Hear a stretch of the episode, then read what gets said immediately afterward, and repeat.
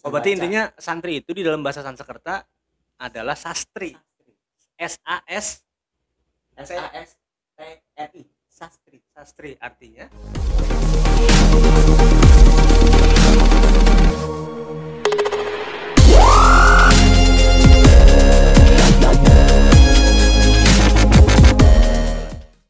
Oke, apa yang buat Edwin akhirnya kan gini, misalkan nih saya masuk jurusan katakanlah satu jurusan, ketika lulus, eh justru set- setelah lulus saya nggak concern lagi tuh tentang jurusan saya, banyak kan yang gitu kan. Jurusan. Misalkan saya Lulus. masuk jurusan katakanlah PAI, ya tapi ternyata setelah lulus, ih kok nggak mau jadi guru, kan banyak tuh ya kan, ibaratnya belok dari eh, jurusannya. Nah sementara yang dilakukan Edwin adalah ketika Edwin sudah ngambil jurusan sejarah, pun sekarang sudah menyandang status sebagai alumni, tapi tetap concern, ya kan? Oh iya ya, gue mau nyemplung sekaligus lah gitu. Akhirnya kayak Leslie pun tetap jalan. Apa yang buat Edwin akhirnya sampai ber- berkepanjangan gitu? ya karena emang saya sudah berkecimpung dalam dunia sejarah ya. artinya Hmm. sudah menggeluti eh, ilmu-ilmu sejarah karena sejarah itu asik dan menyenangkan gitu. Oke, sejarah kalau tadi- pelajaran yang sangat penting sekali gitu. Ah, oke. Edwin tadi bilang eh, setelah menggeluti sekian lama, sekian banyak buku, Ya. sekian banyak jurnal katakanlah gitu. Kalau kita boleh tahuin, momen apa yang bikin Edwin, wah gue bahas sejarah nih, seru nih, apa gitu.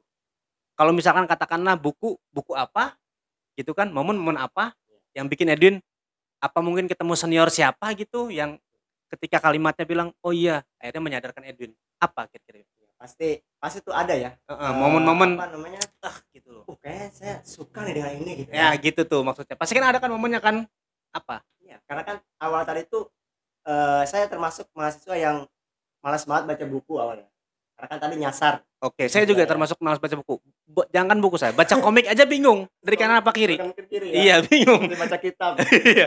terus terus apa momennya Win? nah akhirnya ketika itu ada kajian kajian di UKM formasi kajian Formasi itu tolong jelasin kan. Federasi Olahraga Mahasiswa Adanya di Universitas Islam Negeri Banten SMH Banten. Iya. Ya terus. nah kajiannya membahas tentang nasionalisme Oh. tentang kebangsaan Heeh. nah ada pematerinya ngebahas tentang Soekarno Soekarno kata saya ini orang hebat sekali ya Oke. saya tanya orangnya jurusan apa jurusannya bahasa Inggris Oh tapi ketika diskusi dia jago dia ngebahas. ngerti sejarah itu sejarah Indonesia kan Oke. saya sebagai orang yang mahasiswa sejarah malu yang nggak Iya. tahu sejarah Ya. ya akhirnya saya belajar dari beliau itu Oh jadi tentang awalnya tentang sejarah Soekarno tentang Soekarno akhirnya merembet oh jadi momen itu. Momen itu yang bikin Edwin oh iya kayaknya menarik nih. ini menarik Oh gitu. jadi saya mencari buku tentang Soekarno dulu Kan dulu karena nggak dengar senior tadi. tadi Oke, ya ya ya. ya. Eh, berarti berkelanjutan dari itulah ya sambung menyambung maksudnya dari hari ke hari akhirnya Edwin memutuskan untuk mendirikan KLSI. Berarti momennya didapat ketika bertemu dengan si abang tadi itu, Ya. ketika diskusi di formasi. Oke. Oke, jadi memang eh, apa ya namanya? Ada satu kalau bisa kita bilang pelajaran lah ya. Ah, banyak orang yang bilang ya belajar nggak harus di kelas aja. Buktinya Edwin juga nemuin apa namanya momen momen terbaik lah ya yang bikin jatuh cinta Edwin terhadap Terhadap sejarah justru di luar kelas. Benar. Padahal Edwin adalah mahasiswa sejarah. sejarah Kan lucu juga ya. Bukan mahasiswa se- eh mahasiswa sejarah tapi menemukan momen jatuh cinta kepada sejarah di luar kelas sejarah. Oke, oke, oke. karena kan belajar tidak harus di dalam kelas kan Oke. tapi kalau nggak ada dosen ya masa kita harus pulang Lah, tidur, ada dosen ya? aja kadang tidur. ya itu mungkin anda Kalaupun nggak tidur ya ngelamun lah. oh, oke oke. ngayal ya ngayal Kalau gituin eh, sejarah apa yang bikin Edwin jatuh cinta sama sejarah? Maksudnya kan ada tuh misalkan eh, apa ya namanya sejarah dari Bung Karno apa yang bisa share lah, yang kayaknya teringat di memori. Ada nggak? banyak mas misalnya eh, yang paling terkenang apa? saya ingat kata-kata Bung Karno eh, jas merah Jas merah, uh merah. tahu anda jas merah Jangan sekali-kali melupakan sejarah. itu pidato Bung Karno tahun 1966 Tahun 1966. 66 Mm-mm. pidato terakhir Bung Karno sebelum lengser dari presiden nah berarti kayaknya kata-kata ini penting itu karena setelah Terus terus. nah makanya Kayaknya kata-kata sejarah ini sangat penting dan bermakna gitu. Baik kehidupan kita sebagai berbangsa dan bernegara. Hmm, meskipun memang latar belakang kita adalah santri. Santri. Jadi sejarah itu penting. Sejarah itu penting. Karena sejarah adalah guru kehidupan. sejarah adalah guru kehidupan. Bukan bagaimana kita mempelajari sejarah, tapi bagaimana kita Berguru pada sejarah. belajar dari sejarah. Oh, bukan bagaimana kita mempelajari sejarah. Tapi bagaimana kita belajar dari sejarah. Nah, kalau posisi sejarahnya kayak tadi, diedit atau di apa namanya? Apa dibohongi? iya, atau dibohongi gitu. dimanipulasi, ya? Dimanipulasi. ya berarti harus dikaji kita harus tetap harus menerima sejarah yang pahit sejarah yang manis yang pahit itu harus terima Ah, ini menarik nih. Berarti sejarah pasti dong ada waktunya orang itu jadi kalah, jadi menang. nah karena gitu ya Hmm, jadi sejarah itu yang pahit, yang manis, ya udah ya sejarah kita ya kita kaji gitu. iya benar Jangan cuma yang diceritain yang manis-manisnya Benarkan aja. aja. tetap kita harus benarkan sejarah itu Oke, sebagai cerminan kita, betul sebagai pembelajar karena juga tadi tentunya. sejarah adalah guru kehidupan sejarah adalah kehidupan luar biasa. Saya tepuk tangan dulu. Tidak ada yang. Oke oke. Terus kaitannya tadi kan kita banyak bicara tentang mahasiswa lah ya. Perasaan Edwin tentang mahasiswanya ada diskusi segala macam perjalanan panjang. Nah sekarang kita mundur jauh ke belakang Win.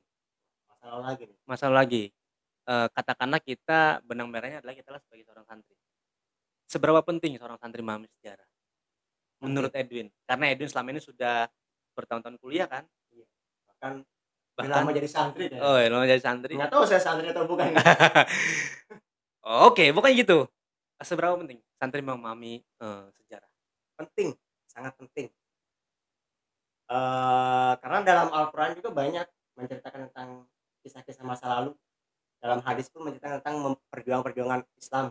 Nah, itu kan sudah menjadi landasan kita sebagai Landasan konkret, jelas. landasan kita sebagai umat muslim sebagai santri harus mempelajari sejarah Hmm. karena tadi bangsa Indonesia ini ya diperjuangkan oleh santri juga Oleh santri juga.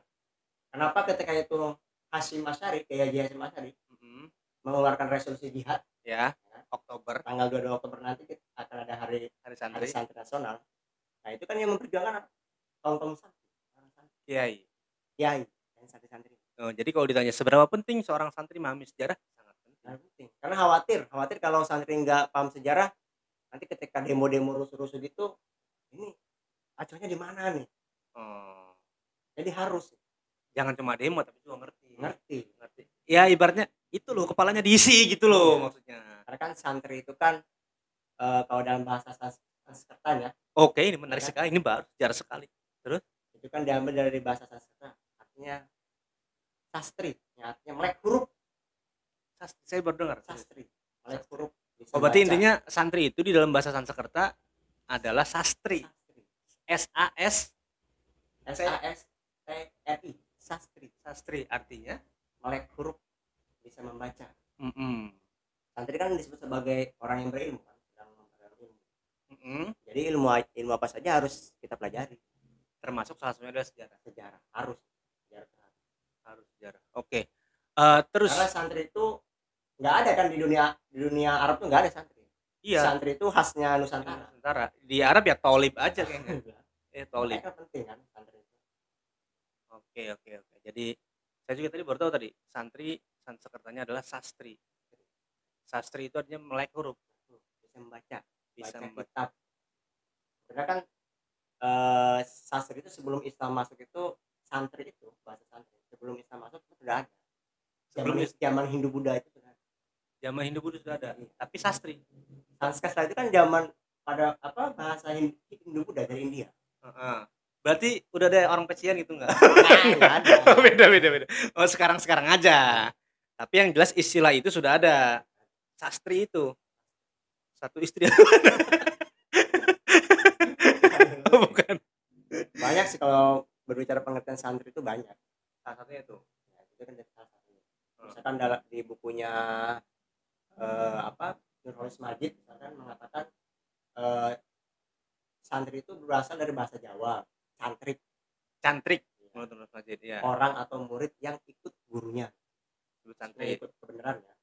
Kejahatan oke oke. Oh terus juga mungkin juga salah satu peneliti barat itu siapa? Clifford Geertz ya?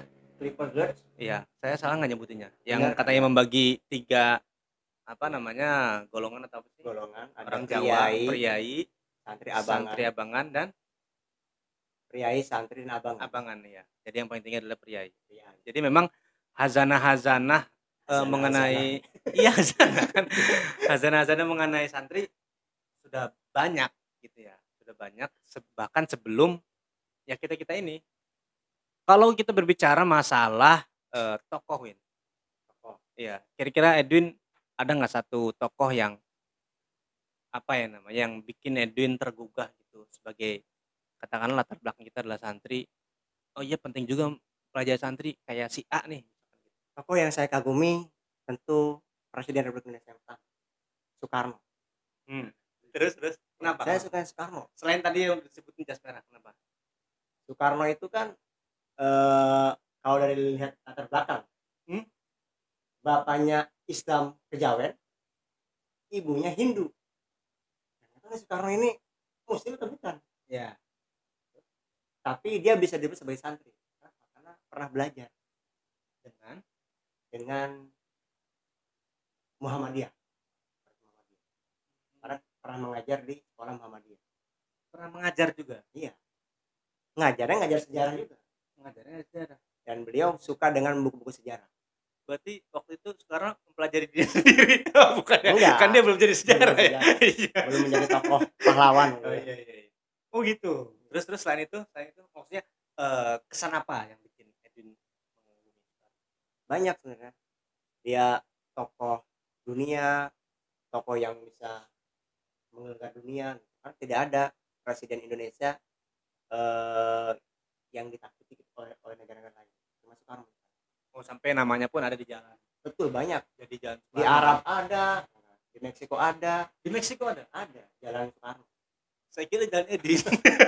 kan Soekarno namanya oh iya. Oh gitu. Jadi Soekarno ya, tokoh yang kalau tokoh Islamnya Win, tokoh Islamnya yang dari Edwin Kaji, yang mungkin juga bisa di, mungkin juga kan para teman-teman yang nonton juga butuh referensi toh dari orang-orang yang telah mengkaji sejarah sekian. ya kalau dalam tokoh Islam banyak sebenarnya cuma ada satu yang saya kagumi Sultan Agung Mataram Sultan Agung Mataram. Tuh teman-teman pesan Sultan dan Agung tren. Mataram. Sultan Agung Mataram. Ya mungkin juga ada yang pertama kali baru dengar. Beliau adalah dia pernah menjadi, ya dia terusin, terusin. Iya, dia pernah menjadi sultan. Jadi Iya lah Sultan. Gimana lagi? iya betul. Jadi sebelumnya kalau pangeran-pangeran yang lain itu kan hidupnya mewah. Nah, Sultan Agung Mataram ini sebelum menjadi sultan, dia hidupnya di pesantren, di, di pondok.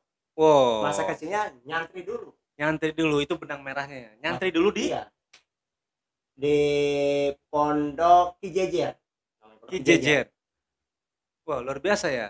Jadi beliau itu nggak mau menjadi sultan nggak mau sebenarnya, nggak mau. Pada waktu itu. Pada waktu itu nggak mau.